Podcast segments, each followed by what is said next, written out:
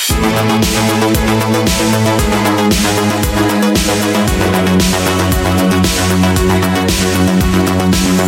och välkommen till Popmusiks podcast. Jag heter Johan Alexed och idag sitter jag i mitt vardagsrum tillsammans med Malin Kristin. Välkommen! Tack så mycket. Hur är läget idag? Det är bra. Just nu är det bra. Jag var uppe tidigt som sagt. Åkte från Stockholm med tåg. Så att nu har jag fått lite kaffe här av er så det känns skönt. Vakna till lite. Ja, Ja, eh, kommer du ofta ner till Göteborg? ja men det gör jag. Jag har ju jättemycket kompisar i Göteborg så jag är här väldigt ofta och hänger med dem. Sen så har min familj ett eh, sommarställe på en ö utanför Göteborg. Det är jag väldigt ofta på både vinter och sommar hänger och sen så är jag ju från Borås från början då. Och det är ju ganska nära. Så jag är ju i Borås också en del. Väst, västkustmänniska. ja, men det är jag absolut, verkligen. Var trivs du bäst?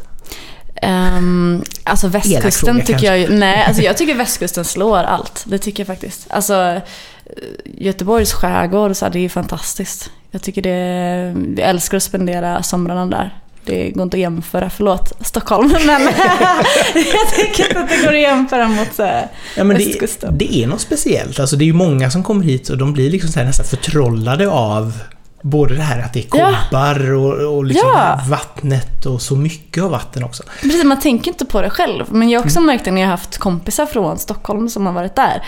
Att de bara, men wow, shit, vad cool. Alltså så här, Ja. det ja, de tycker det är jättefint. Underbart! Så det blir en, en, en skön helg med vänner i Ja. Göteborg. Riktigt härlig semester. Ja, det är nästan, jag är lite så semestermode nästan så. Oj! Ja, men det är så här, jag ska hänga med kompisar, äta brunch, gå ut och ta något glas. Du, du har hällt ner liksom rosén i, i en sån termosmugg Ja, så att den är liksom kall hela vägen. Jag spetsade kaffen lite här med, hade med mig lite med mig upp.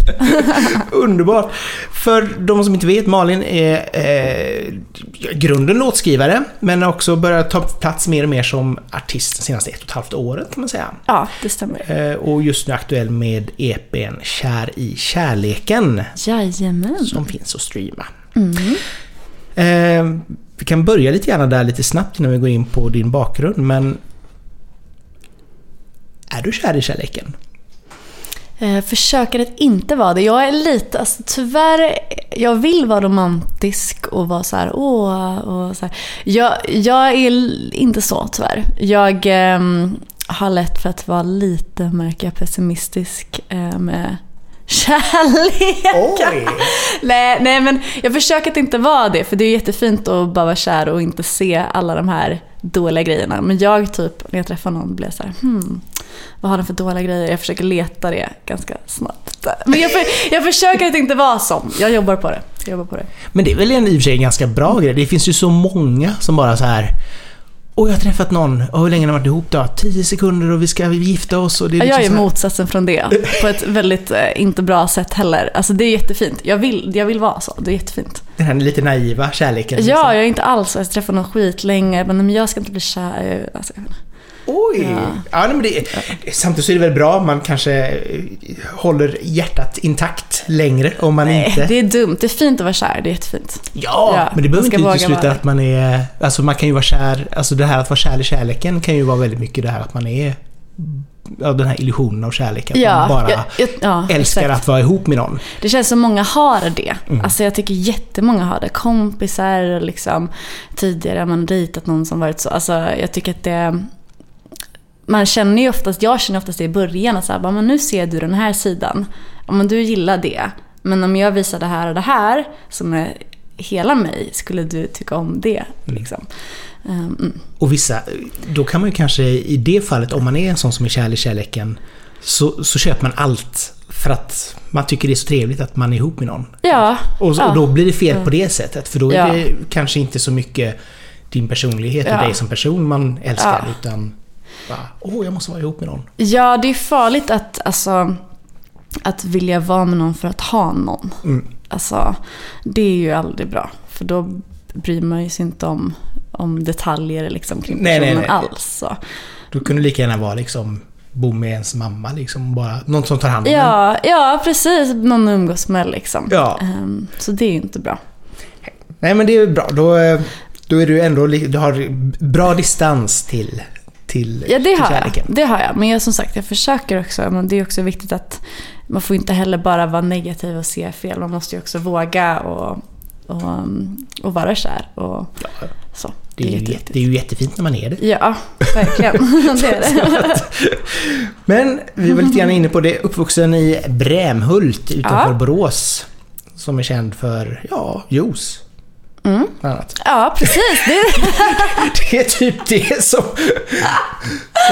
Men det, fin- det finns så mycket runt Borås. Det är liksom så här eh, Frista, eller Frista. ja, Frista. Frista säger Ja. man. Ja. Eh, deras blåkläder, det ligger också där i Ja, trakten vet precis. jag. Just det. Och så, och så Brämhult då. Brämhult. Ja, du säger det rätt. Många säger Brämhult. Det är jättekonstigt. De Jaha. bara Brämhultsjuice.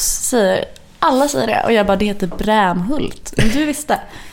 Jag är ju härifrån. Ja, jag exakt. har ändå bott i Borås ett år när jag gjorde lumpen. Ja, Så du ser. Okej. Så att okej, jag, okej. jag har varit på Stortorget och festat. Jaha, ja där ser man. Ja. Hur var det att, att flyt- flytta? Hur var det att, växa upp i Brämhult? Fantastiskt. Alltså jag har ju haft en otrolig barndom. Alltså verkligen. Det är jättefint. Alltså på alla sätt. Den här Bullerby-barndom Ja, liksom. eller men verkligen. Alltså jag, när jag kollar tillbaka, jag har nästan svårt att se någonting som var dåligt. Skönt. Alltså, ja, det är mer när jag blev vuxen och bara nu ska jag flytta hit och ska bo där. Då tyckte jag livet blev svårare. Men jag tyckte min barndom var... Um, alltså jag, har haft en, jag har en fantastisk familj, släkt. Alltså, och också lite så här gatan jag växte upp på. Jag vet inte om det är lite en småstadsgrej men alla grannar liksom känner ju varandra och om det var någon på gatan som typ tog studenten då bjöd man in alla grannar, så var man där. Alltså, Mm. så det, och det är lite skillnad mot Stockholm. Där är det lite mer, man hejar, vågar inte heja på sina grannar och på samma sätt. eh, Ja. Man går och tittar ner och inte tittar Ja. i ögonen på den man möter Ja. och så vidare. Och då, blir jag, då brukar jag bli nästan lite irriterad så då brukar jag kolla extra mycket på dem. För att de verkligen ska, så bara, hej! liksom stirra in i ögonen. Så att de ska våga heja. Så, ja, men jag tycker det är ganska skönt. Vi var, jag och en kompis var nere på, på en liten minikryssning. Och så var vi nere i Frankrike. Och så gick vi på- på stan och han säger liksom så här hej eller bonjour till alla som vi Mm. mötte. Och de var nästan så här bara förskräckta över att vad är det för galning liksom. Men Och jag tycker det är gud. ganska skönt den här lite småstadsmentaliteten att man säger, ja man hälsar när man träffar någon liksom. Bara, Ja, det är hej. jätte... Ja, det, så är det verkligen. Alltså mina föräldrar, jag märker att de gör ju det. Typ Mm. när de kommer till Stockholm och är på min gård. Hej, då hejar de på de som går på gården.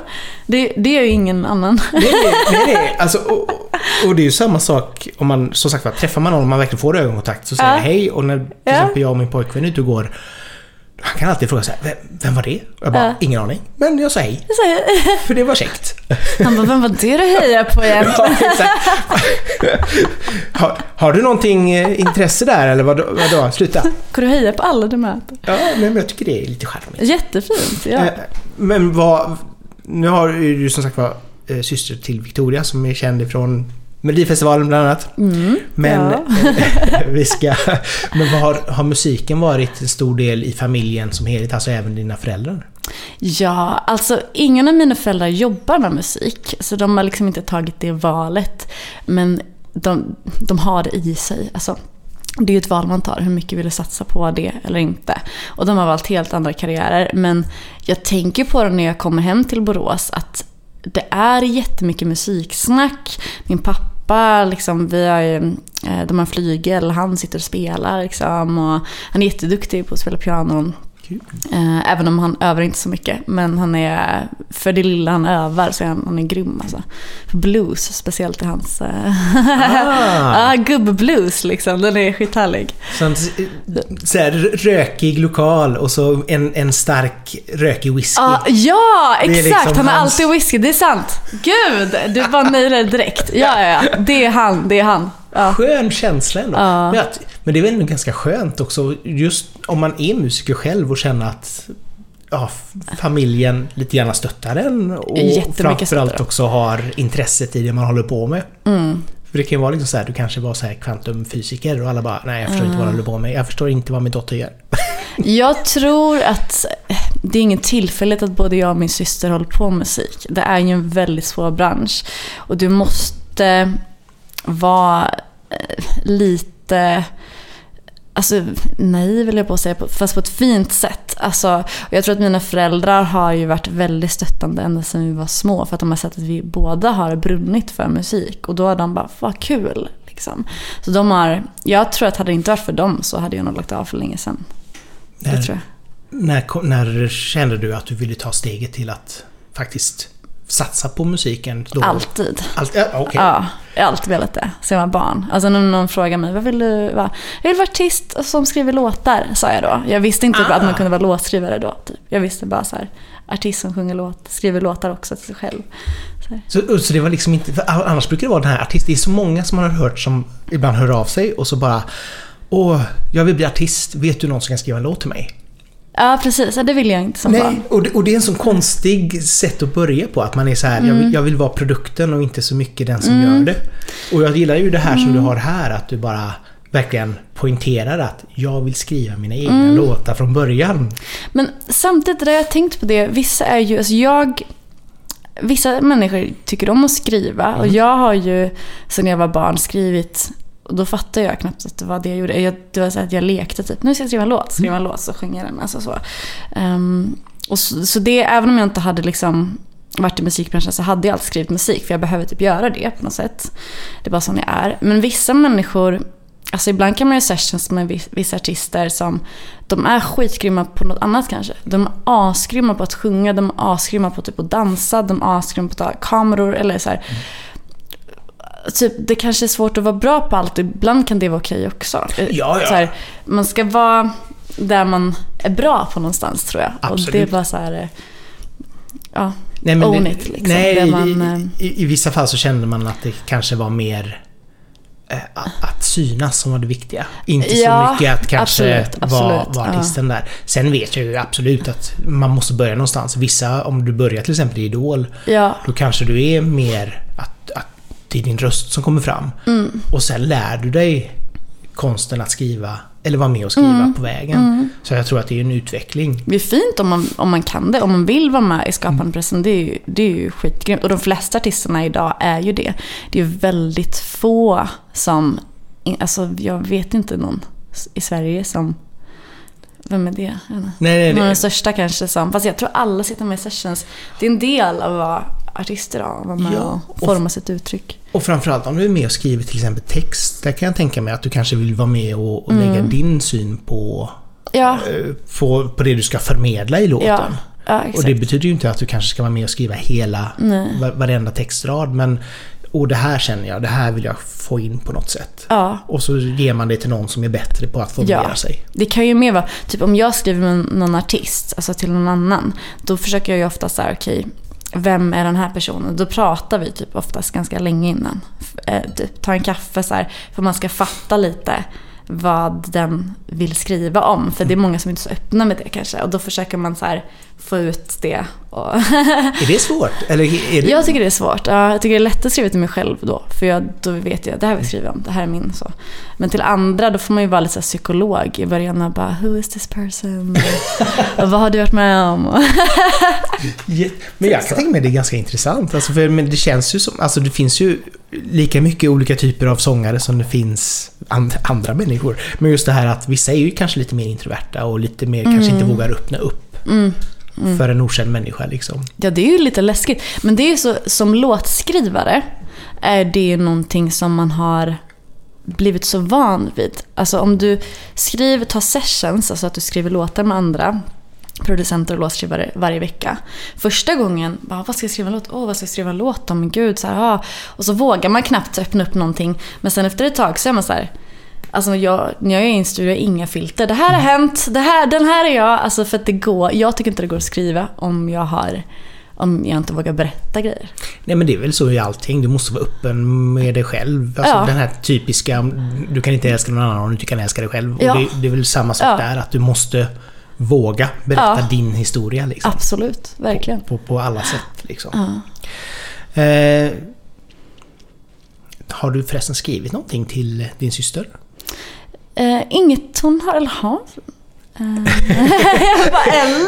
Eller har hon släppt någonting till mig? Nej, nej, men hon har inte släppt någonting. Vi har inte jobbat supermycket faktiskt. Nej. Vi har gjort ganska mycket, vi är bra på lite samma grejer känns det som. Alltså, vi båda är bra på melodier och text och typ sådär. Um, vilket gör att man kanske oftast jobbar med folk som kompletterar upp kanske andra sidor. Så. Typ hade jag varit producent kanske det hade varit en annan grej. Men de gångerna vi har skrivit har det också i och för sig varit en fördel att vi har varit bra på samma grej. För då blir det också så här, det går ju väldigt snabbt. Alltså om hon kom på en melodi, jag bara åh skitbra, han bara men det var bra och så bara så går det jättesnabbt och så. Roligt. Ja. Men, men hade ni så när ni växte upp? Att ni körde liksom så här Åh, nu, nu, båda två har liksom eh, show hemma eller på Ja, skolan eller vad nu må vara liksom. Ja, det hade vi gud hela tiden. Och våra föräldrar tvingade oss också. "Ah, Sjung den här låten nu Malin som du skrev. För, för deras kompisar i vardagsrummet skulle jag sjunga. Nej, vad. Och hon också. Ja. Så det var så här, show varje fredag så var det liksom så här. Men det var mycket ändå shower. Så jag tycker ändå det. Ja, det var mycket sjunga för kompisar och släkt och på skolan. Och det var hela tiden. Underbart. Ja, det var väldigt underbart. Ja.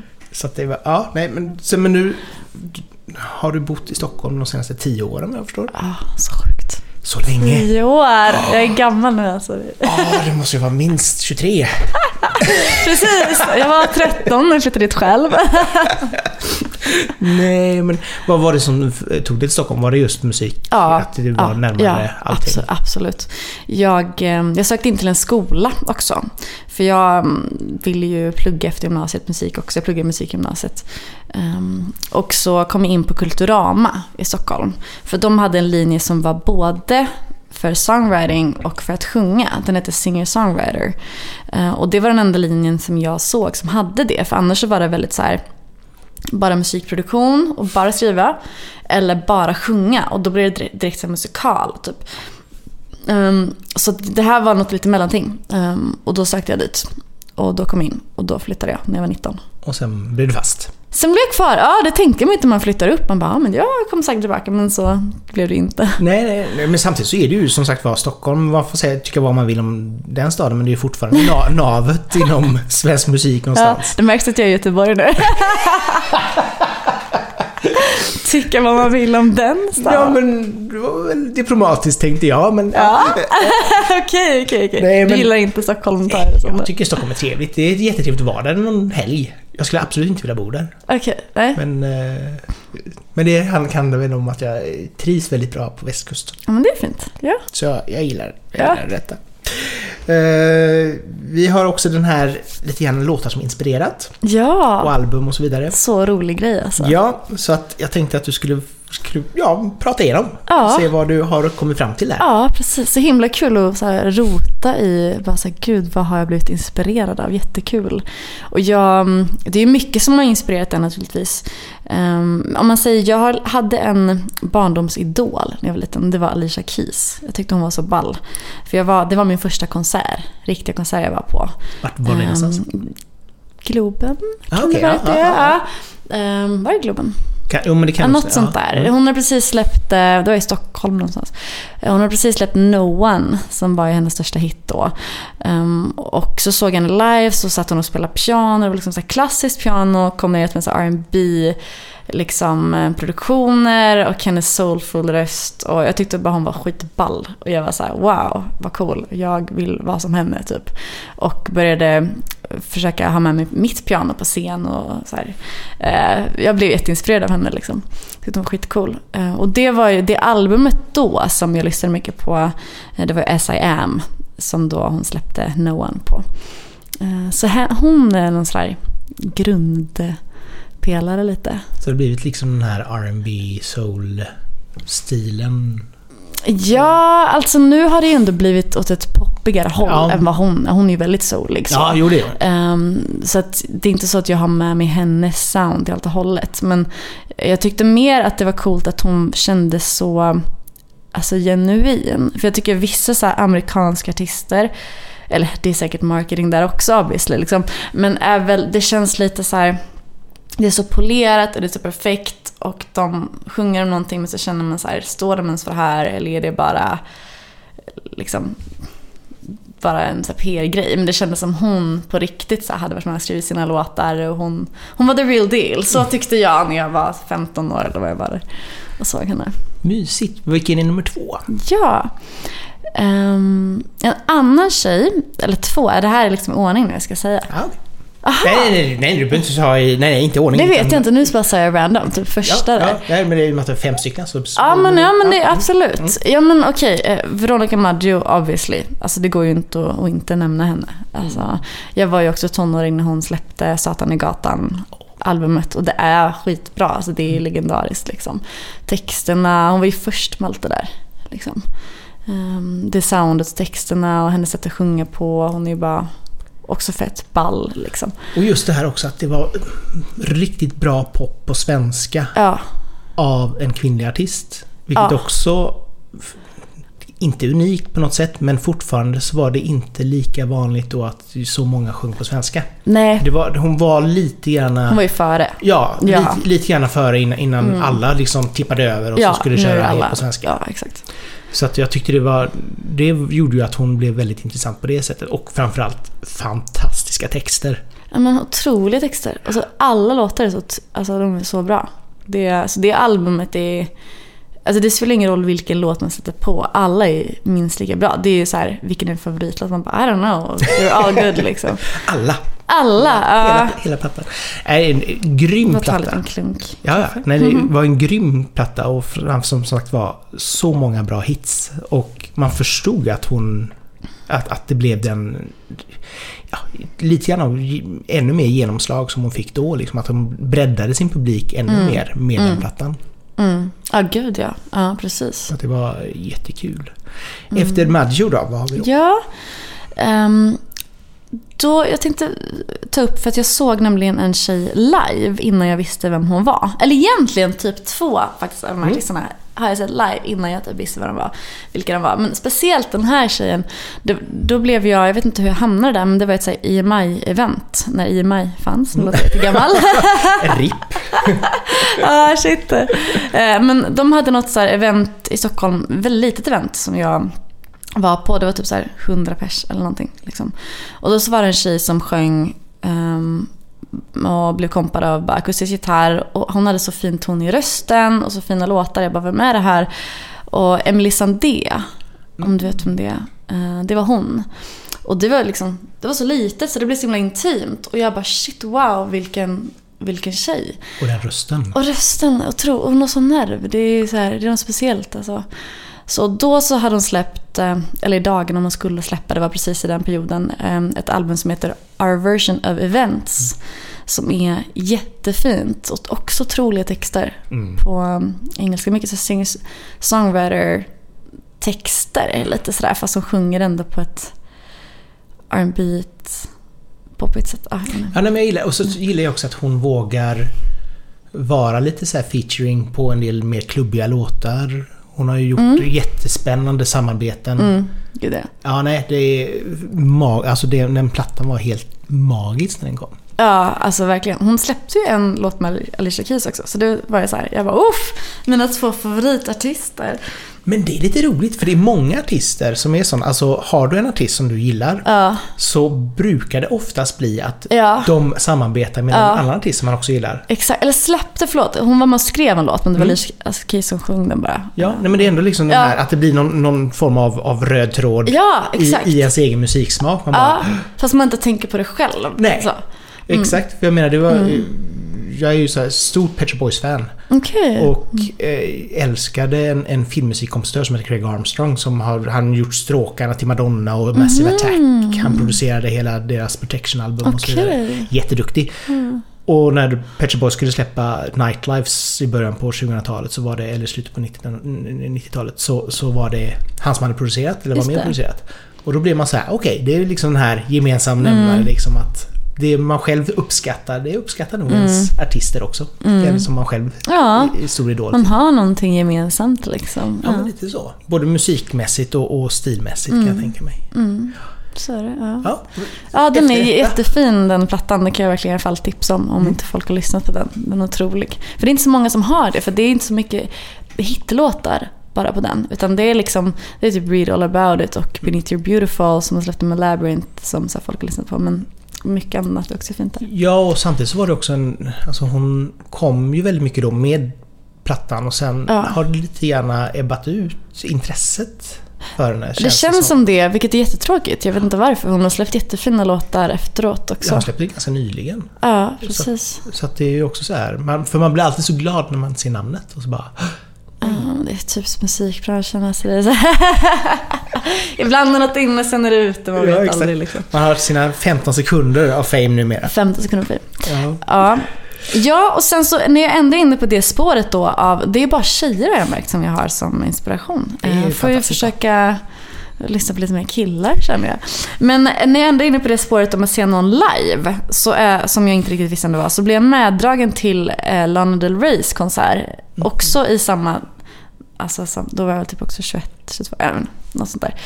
Ehm, och jag hade bara typ så här hört typ en låt, typ National Anthem eller vad det var. Så här, jätte, så här, lite bara. Mm.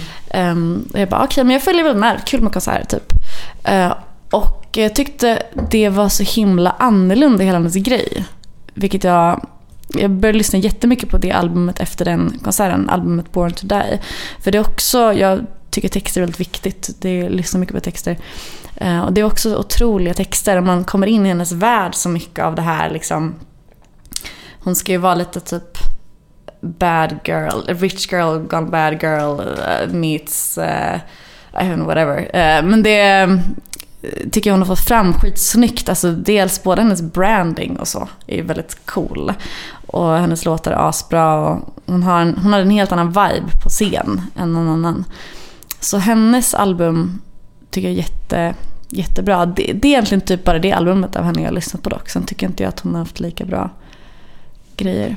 Nej, jag, tycker, alltså jag, jag är lite grann inne på samma spår det här att hon är väldigt... Hon är väldigt mycket koncept. Ja, Vilket- det är ju ett koncept Ja. från ett bolag från början har jag hört. Alltså, Ja, och, och, men jag gillar just den här... Alltså Hollywood sadcore. Alltså det är Mm. det här... Det är snyggt och det är väldigt...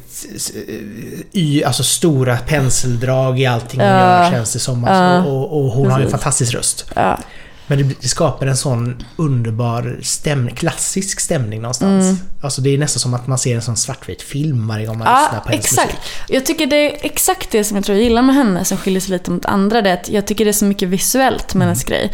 Um, alltså, alla hennes musikvideor är ju otroliga. Ja.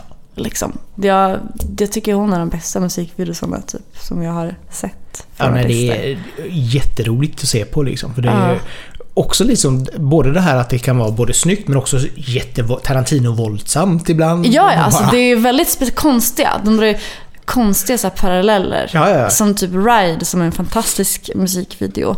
Det är så skitfint med, hon är i en öken och bla bla. Men sen helt plötsligt så är hon med asmycket äldre män Mm. på motorcyklar. Det är, det är ju en väldigt konstig kombo. Alltså hon, men det är också det som är lite kul. Att Ja, hon det, det är lite såhär leker Twin, med det. Twin Peaks-aktigt liksom. Ja, här, alltså drömvärld någonstans och väldigt surrealistiskt. Ja, Och ändå jävligt coolt. precis. Ja, Ja, jag gillar det. Du är en bra, bra inspirationskälla ja, ja, Lana. Rey.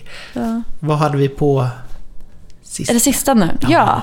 ja. men då ska jag säga en annan svensk artist som ju är ändå rätt så ny ändå. Eh, som säkert många inspireras av. Anna Diaz. Ja. Lyssna del 1 och del 2. De är jättebra tycker jag. Alltså alla låtar är bra. Jag älskar Simma själv exempelvis.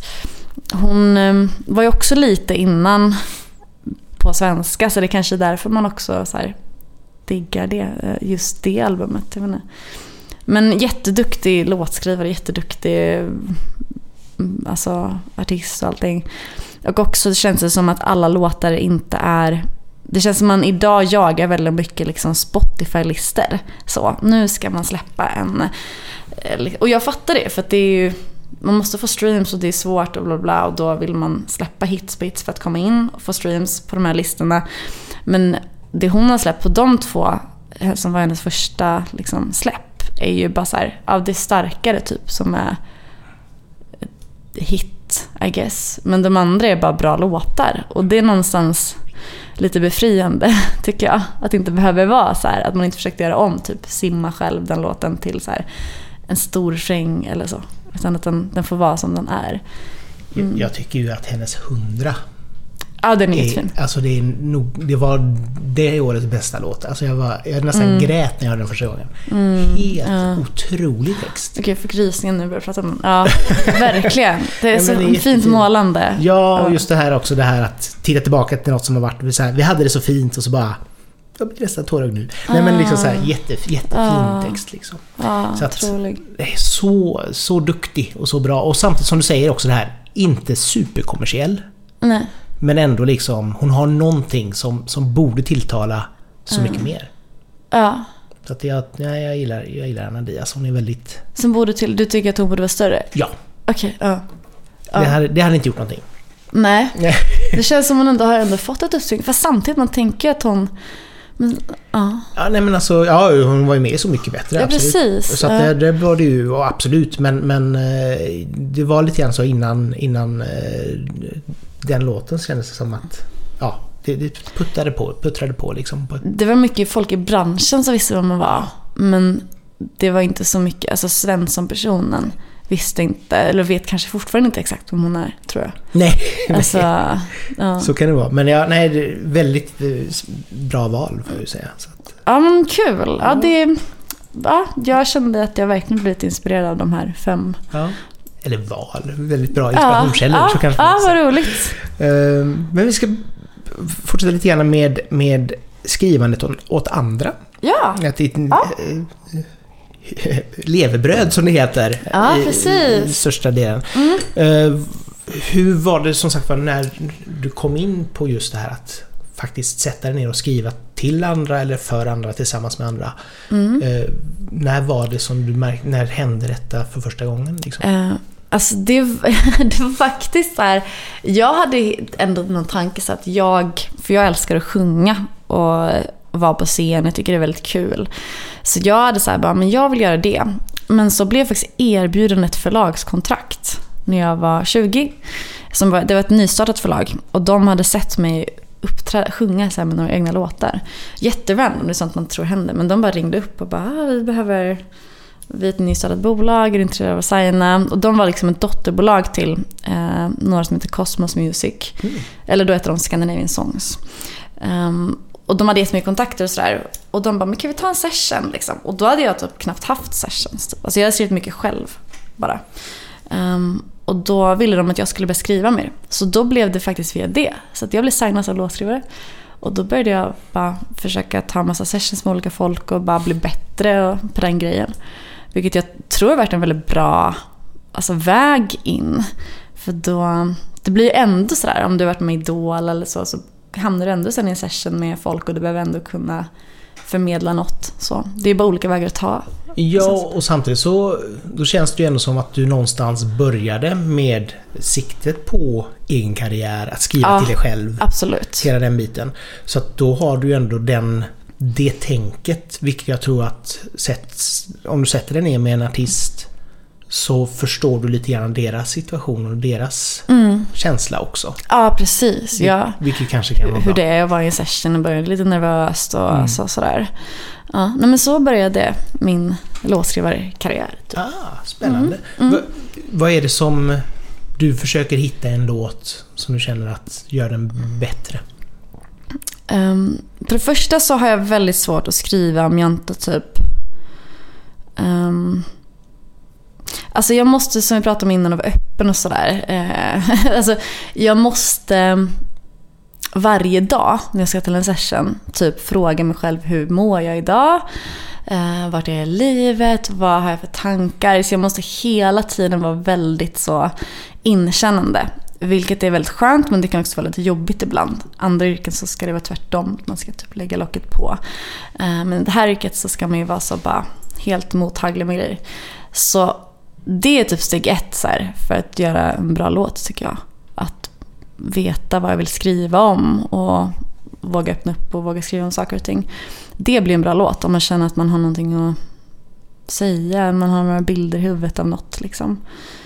Förmedla. Ja, Vad, vad brukar vara din styrka när ni sitter i en session? Um, det jag är bra på i session, alltså det jag brinner mest för, liksom, och jag har haft mest intresse för egentligen, det är melodier och text och sång. Liksom. Det kallas topliner, det var det jag blev signad också som när jag var 20 då. Uh, så då jobbar jag med olika producenter som gör själva ljudbilden. Uh, även om jag försöker ju vara insatt i det också naturligtvis. Så det är, min, det är väl det jag är bäst på. Mm. Du har skrivit mycket så här till eh, artister i Asien har jag sett. Precis, ja det stämmer. Ja. Eh, vad, är det som, vad är det som har gjort att det har hamnat där? Är det att de dammsuger liksom låtskrivare i Europa väldigt mycket? Eller är det ett eget val från dig att skicka ett till just dem? Eller hur? Jag hamnade in på det spåret lite via det här första kontraktet som jag nämnde innan. För att de hade mycket kontakter i Asien. Och då så var det så här, prova att skriva lite dit, testa lite. Och Asien är ju många som skriver till för att de säljer ju som sagt eh, fortfarande skivor där och det är lite lättare att tjäna bättre pengar än via Stim som låtskrivare i Sverige. Så. Um, så då blev det att jag provade göra det lite och sen så om man väl kommer in och liksom får kontakt med några där så är det lite lättare sen att få ut grejer där.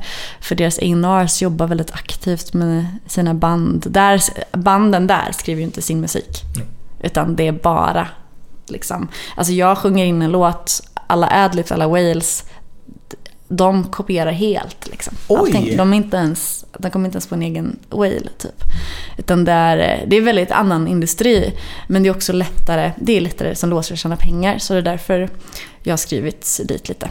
Det kan jag tänka mig i och för sig, för det är ju en enormt stor marknad.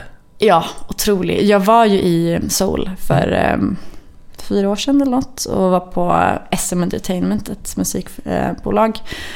Och då fattar man hur stor alltså K-pop då är.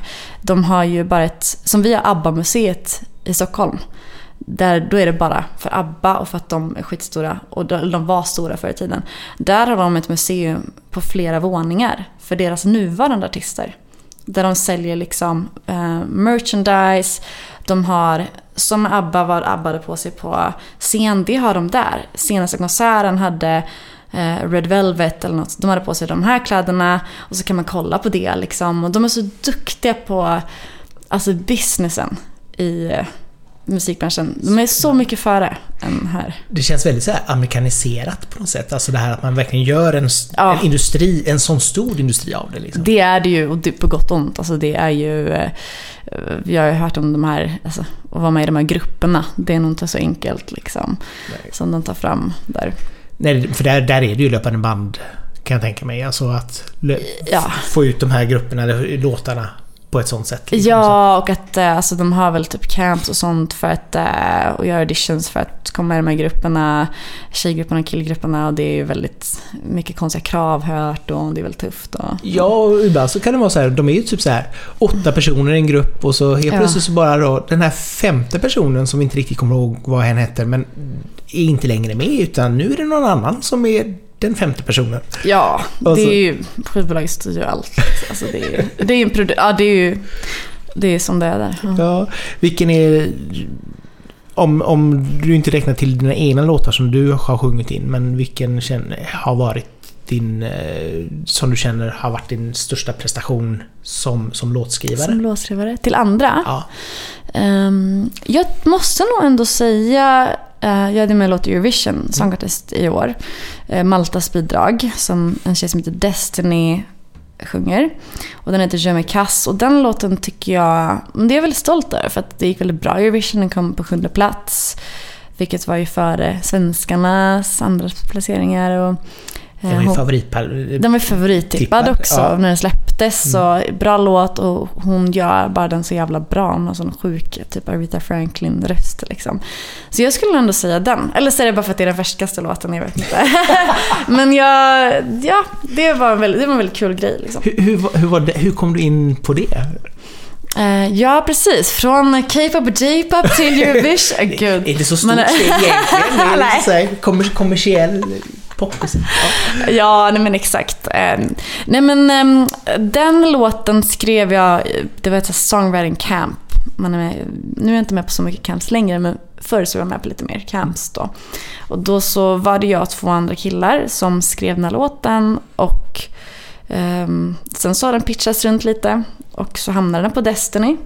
Och eh, hon spelade in den och några andra låtar och sen så valde Malta den här låten för Eurovision. Så det var inte tänkt till henne från början. Vi bara skrev en låt med... Vi hade liksom hennes röst i åtanke. En väldigt så här stor röst, stark röst och lite quirkiness i texten och sassiness. Och det passade skitbra med henne. Det var som att vi hade skrivit den till henne. Liksom. Ja, jättekonstigt. Har det kommit många såna erbjudanden efter Eurovision? Um, många erbjudanden? Nej, det, var, det blev ändå lite... Alltså Eurovision är skitstort och det märker man ju verkligen. Alltså bara man har med någonting som låtskrivare där så blir det ju väldigt mycket så intervjuer och mycket sånt. Uppståndelse liksom kring den grejen. Eh, sen kanske det var för att den var favvo, en av favvotippade liksom, låtarna. Ehm, men ja, alltså musikbranschen är väl ändå lite... Jag vet inte, jag var i Palma på ett, på ett camp där nyss. Och det tror jag kanske att jag blev inbjuden på för den låten. Men annars så... Jag vet inte, det är lite same same. Folk kanske inte bryr sig så mycket. Det är så, alla skriver hela tiden. Ibland får man ut för grejer, ibland inte. Alltså. Så är det ju. Alltså, oftast brukar det ju vara så att har man gjort någonting inom en viss arena, som är då Eurovision ja. ändå är, så brukar ja. det väl bli så att det kan ju vara folk som hör av sig och bara Åh, men nästa år så vill vi gärna att du kommer med och skriver ja. till oss. Ah, nej, det har det inte varit. Nej. Det har inte fått någon sån där Du ska skriva den här låten. Nej. Vad, har, nu har ju din, din syster har ju varit med i Melodifestivalen mm. två gånger. Eh, tre gånger. Tre gånger kanske? Mm. Ja, just det. Tre gånger till och med. Eh, har det varit någonting som har lockat dig? Um, alltså, Melodifestivalen är ju ett otroligt fönster. Alltså det är så mycket tittare och det är ju väldigt bra fönster. Att hej, här är jag, det här är min musik. Liksom. Um, tidigare så har det inte lockat mig så mycket för att jag um, har väl bara försökt att så här, skriva, släppa grejer och så. Men uh, senare tiden så känner jag att Um, alltså i Sverige man har ju inte så jättemånga olika fönster att gå i. Liksom. Alltså har du en jävla tur då blir du upplockad helt random till Så mycket bättre typ. Eller, alltså, men vem blir det? Så, att, det är, så att jag tycker ändå att ja, men det lockar mig ändå lite faktiskt. Mm. Um, att, att få synas, med, visa sin musik, det är det man vill någonstans. Och väl, otroligt bra gratis PR, typ, om man kan säga så. Ja, nej, men absolut. Och samtidigt så här, kan man har man gjort en, en bra poplåt på cirka tre minuter Ja, så, why not liksom? Ja, men exakt. Det är bara du förlorar ju ingenting på det. Sen nej. är det ju absolut det är en tävling och det är, det är det momentet som man kanske tycker är jobbigt. Men exakt.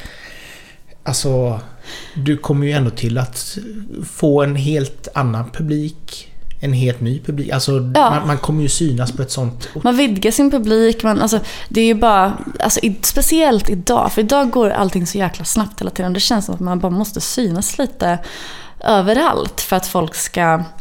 Alltså, det, jag kan nästan känna ibland att det spelar ingen roll hur mycket man sitter och jobbar på vissa låtar och hur bra de blir. För det känns som att man måste vara någon för att folk ska lyssna på det. Ja, och samtidigt så är det väl också det här att man är, inte, man är bara så bra som sin senaste låt. Ja. ja.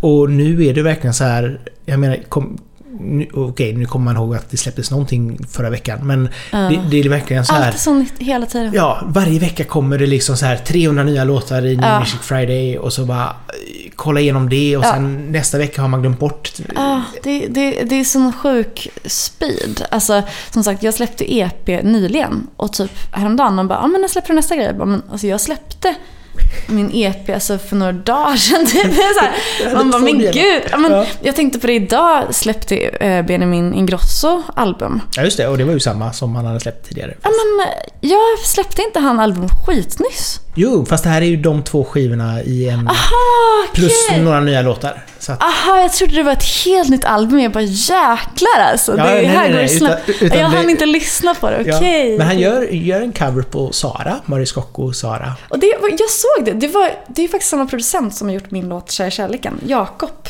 Ah. Ja, jag såg det på hans Instagram. Så att han promotade sig och sa att här har jag gjort. Exakt.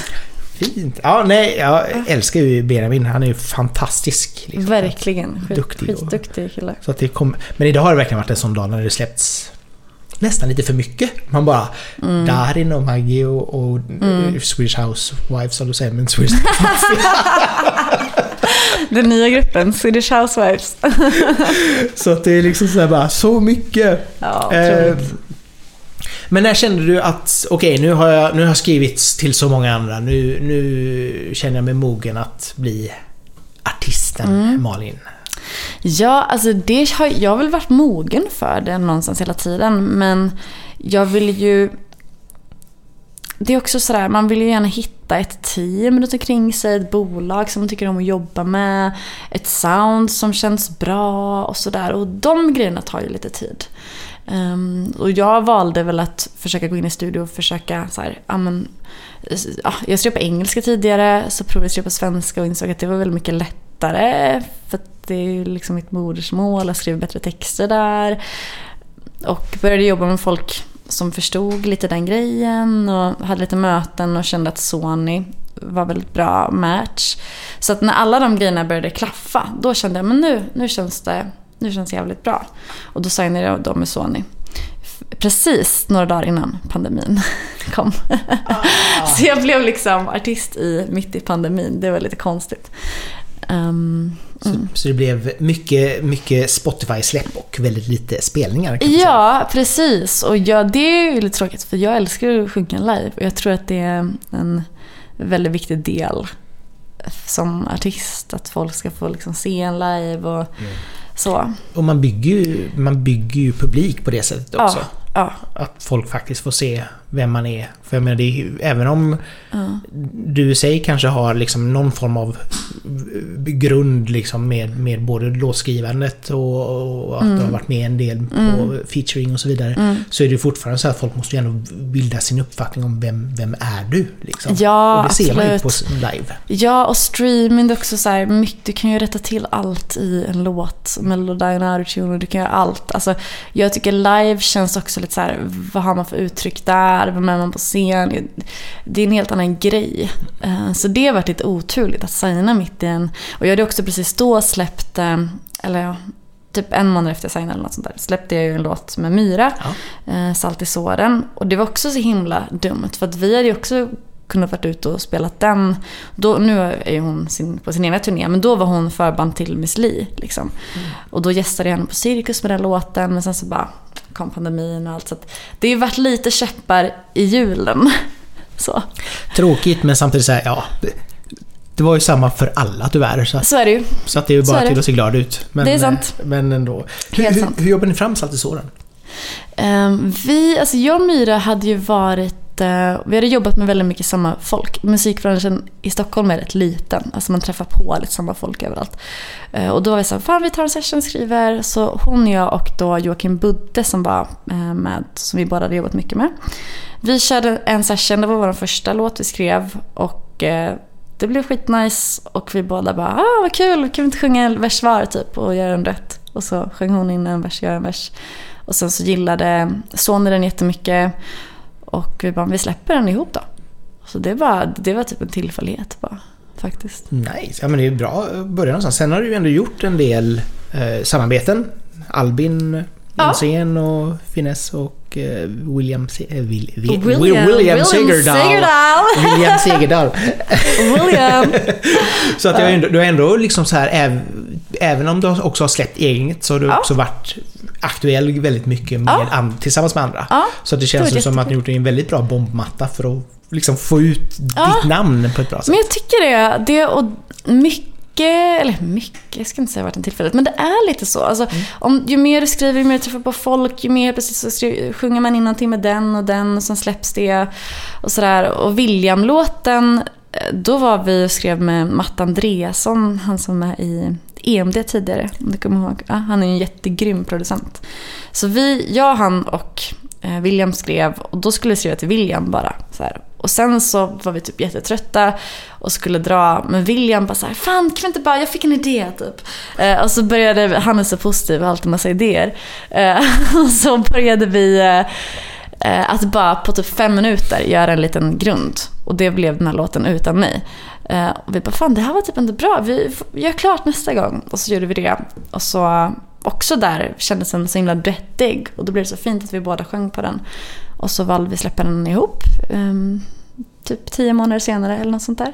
Kul. Ja, Alltså det är så roligt när saker och ting bara händer organiskt och man bara Ja. känner att oj, men vad bra det här blev. Ja, det är fantastiskt. Och den, blir jätte, den är jättefin. Och den, vi släppte den i maj. Den är uppe nu i över en miljon, så det är jätteroligt. Den har ändå tickat på bra. På Ja, ja, nej, men det är ju... Jag har ju sett på, på din Spotify, du har ju bra, bra streams. ja, men det är kul. Vad roligt. Så att det, att, det händer, att det händer saker och ting, Ja. att det går iväg.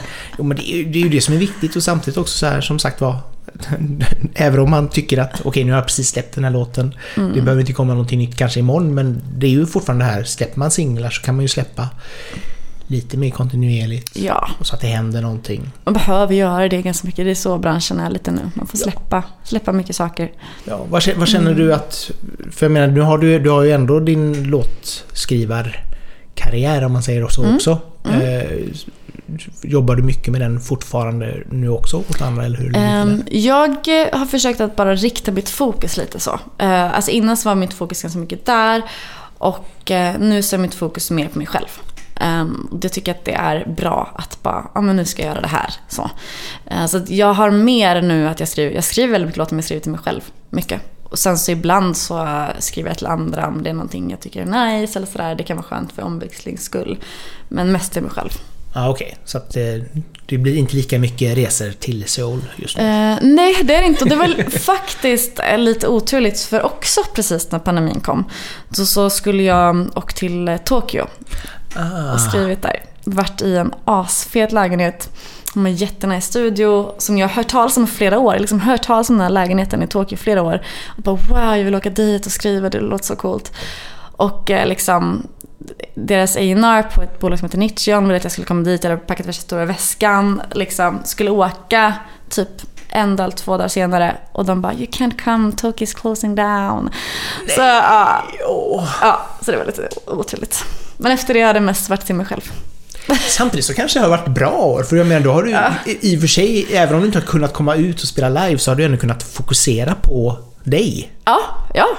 Så att, Precis. Jag, så att jag menar, det, det gör ju ändå att nu har du ju, när det väl öppnar upp så har du ju en jättebra grund. Verkligen, verkligen. Jag tycker att det har varit kul och skönt att fokusera Ja. på egna grejer och skriva om det. Och, ja. Spännande. Ja, nej, det ska bli jättespännande. Kommer du att köra någon, någon, något live snart inom det närmaste? ja, jag tror att det kommer bli mer nästa år Okej, faktiskt. Så ja, ingenting i höst som är någon sådär förband eller något sånt där. Det, det är ju typ det jag mest vill nu. Alltså Mm. kunna vara med förband på någon turné och liksom sådär. Ehm, så jag tror mest, nästa år att det kommer bli mer grejer. Sen har jag alltid lite smågigs här och var. Alltså, så. Det har jag alltid haft sen några år tillbaka. Typ. Ehm, men inget typ så stort, stort där Mm. än. Nej, men alltså förband är ju väldigt bra för jag menar då träffar man ju också en publik som förhoppningsvis gillar ens egen. Precis. Och sen finns det ju också alltså lite mindre arenor, alltså Ja. i både Göteborg och Malmö och, och Ja, Stockholm. ja. Som man kan vara på som, som huvudakt också. Ja, ja, Och verkligen. en Absolut. Intim spelning. Ja, liksom. det, alltså precis. Jag, pratar, jag är på Blixten som bokningsbolag och vi pratade om att göra någon sån liten mindre ehm, klubb, Hotellobby. hotell, ja, eller klubbspelning eller alltså lite så. Ja, Jag tror det kan vara jättenice. För jag menar, bara det här för att komma ut och träffa publiken och samtidigt Mm. Också jag skulle ju tycka det här var jätteroligt till exempel om du körde... Alltså nu har du ju...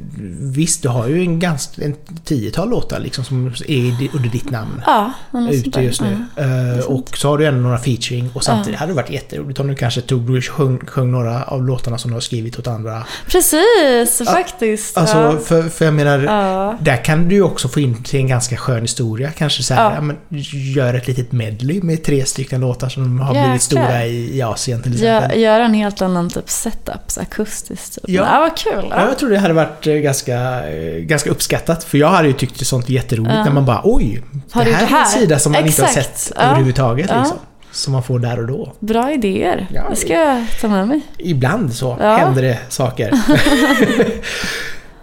Underbart att ha det här Malin. Kul att vara här. Tack Så det har varit jättetrevligt att få snacka med dig. Eh, och till er som har lyssnat så säger vi som vanligt att dela gärna eh, poddavsnittet till fler så upptäcker de det och så kan de lyssna på det. Och prenumerera gärna på podden så får ni mm, kommande avsnitt direkt ner i er poddapp. En trevlig sak. Men från Eriksberg i Göteborg så säger vi tack och hej! Hej då!